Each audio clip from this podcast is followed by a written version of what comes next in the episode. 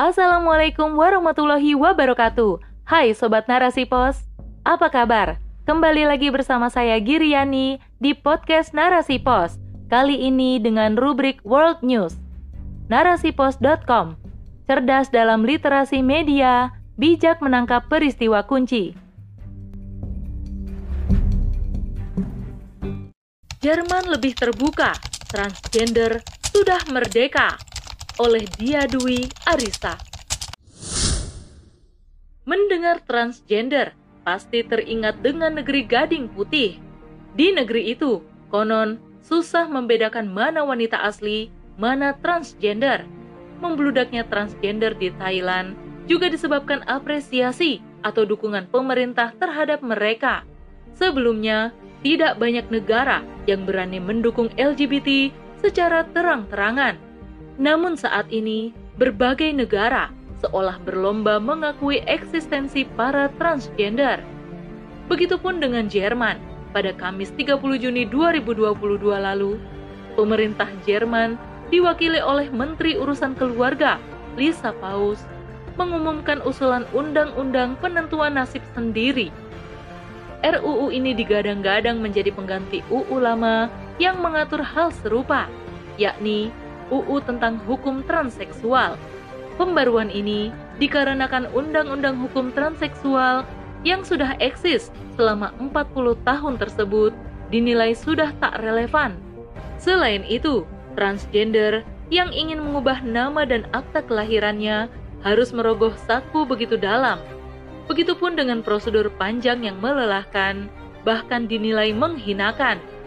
Oleh karena itu, pemerintah Jerman bersiap menjadi negara yang lebih terbuka dengan pengesahan RUU baru tersebut.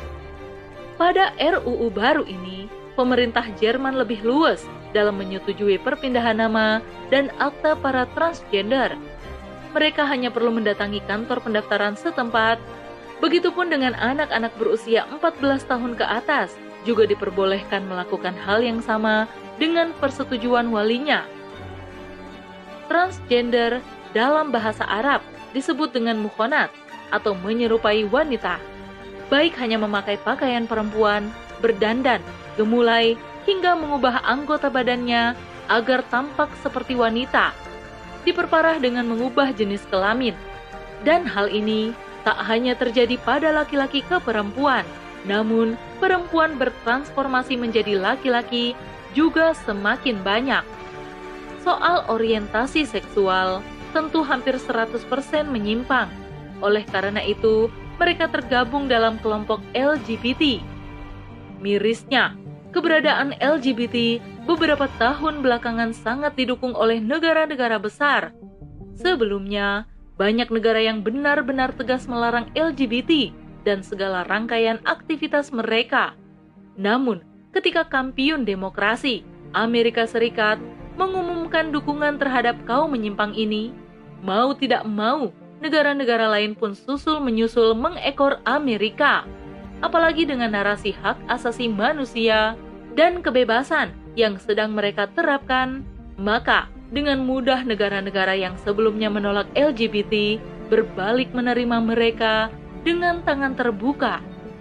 Bisa dibilang, kaum pelangi saat ini sedang menikmati kemerdekaan mereka Merdeka menunjukkan orientasi seksual, berganti kelamin, bahkan menunjukkan berbagai penyimpangan lainnya yang jauh dari fitrah manusia. Sayangnya, manusia yang lain diharuskan menerima kehadiran mereka, bahkan diminta mendukung kerusakan mereka. Adanya pembenaran penyimpangan ini tak lain dan tak bukan adalah dikarenakan adanya pemikiran kebebasan atau liberalisme manusia memberi mandat terhadap diri mereka sendiri menjadi pembuat aturan. Aturan agama yang ada tidaklah diperbolehkan menyentuh ranah kehidupan.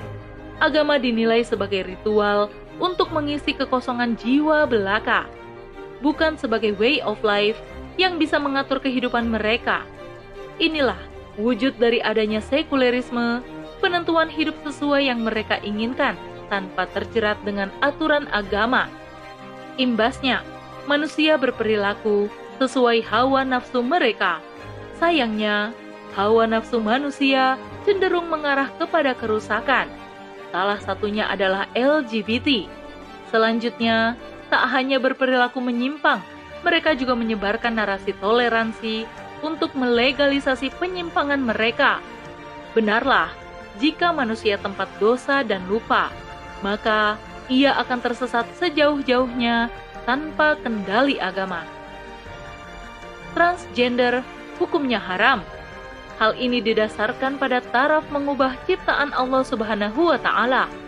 Nabi Shallallahu alaihi wasallam bersabda, Allah Subhanahu wa taala melaknat wanita-wanita yang membuat tato, meminta ditato, mencabuti alis dan memperbaiki susunan giginya untuk mempercantik diri yang telah merubah ciptaan Allah.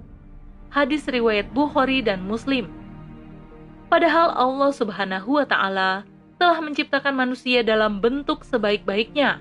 Dalam surah At-Tin ayat 4, Allah berfirman, Sesungguhnya kami telah menciptakan manusia dalam bentuk sebaik-baiknya. Allah telah menciptakan manusia dalam dua jenis, yakni laki-laki dan perempuan. Maka, apa yang sudah Allah tetapkan, itulah yang terbaik di sisi Allah. Oleh karena itu, tak patut manusia mengubah ciptaan Allah tersebut. Demikian, manusia diciptakan pun berpasang-pasangan. Allah ciptakan laki-laki dan perempuan. Dari keduanya, lahirlah generasi yang banyak, hingga bersuku-suku dan berbangsa. Hal ini menunjukkan bahwa manusia diciptakan sudah sesuai fitrahnya. Ingatlah pada kisah umat Nabi Lut alaihi salam ketika beliau menyeru umatnya untuk bertobat dari liwat yang mereka praktikan. Kisah tersebut harusnya cukup sebagai peringatan besar bagi kaum sesudahnya bahwa perilaku liwat atau LGBT dapat mengundang azab Allah Subhanahu wa taala. Bahkan azab yang ditimpakan pada umat Nabi Lut belum pernah ditimpakan pada kaum sebelumnya. Saking keterlaluannya para pelaku liwat tersebut. Allah memberikan empat azab sekaligus pada umat Nabi Lut alaihi salam. Pertama, Allah butakan mata mereka. Sesungguhnya mereka telah membujuknya agar menyerahkan tamunya kepada mereka. Lalu kami butakan mata mereka, maka rasakanlah azabku dan ancaman-ancamanku. Quran Surat Al-Qamar ayat 37 Kedua, dikirimkan suara yang keras. Dalam surah Al-Hijr ayat 73, Allah menerangkan bahwa kaum Nabi Lut diberikan suara yang memekakan telinga hingga binasa ketika matahari akan terbit. Ketiga, Allah angkat dan balikan bumi yang mereka tempati. Tatkala datang azab kami, kami jadikan negeri kaum Lut itu yang di atas ke bawah atau kami balikan, dan kami hujani mereka dengan batu dan tanah yang terbakar dengan bertubi-tubi. Quran Surat Hud ayat 82 Keempat, Allah hujani dengan batu. Tak cukup dengan ketiga azab di atas, Allah juga menurunkan hujan batu bagi mereka. Hal ini termaktub dalam surah Al-Hijr ayat 74. Azab di atas bisa jadi akan terulang pada masa ini. Nauzubillah, jika manusia terus memelihara perilaku menyimpang tersebut. Sedangkan pada masa Rasulullah Shallallahu Alaihi Wasallam telah datang syariat yang mengatur sanksi bagi para pelaku LGBT. Antara lain adalah dengan melaknat pelaku LGBT, kemudian diberikan sanksi dibunuh. Salah satunya dengan dijatuhkan dari tempat yang paling tinggi di daerah tersebut. Dengan penerapan sanksi tegas ini, menjadi pencegah bagi manusia lainnya agar tidak melakukan hal yang sama. Dan tentu, adanya sanksi di atas tidaklah bisa diterapkan secara individu ataupun kelompok. Namun, dibutuhkan peran negara yang menjalankan sanksi tegas tersebut kepada rakyatnya yang melampaui batas. Wallahu a'lam bishawab. Wassalamualaikum warahmatullahi wabarakatuh.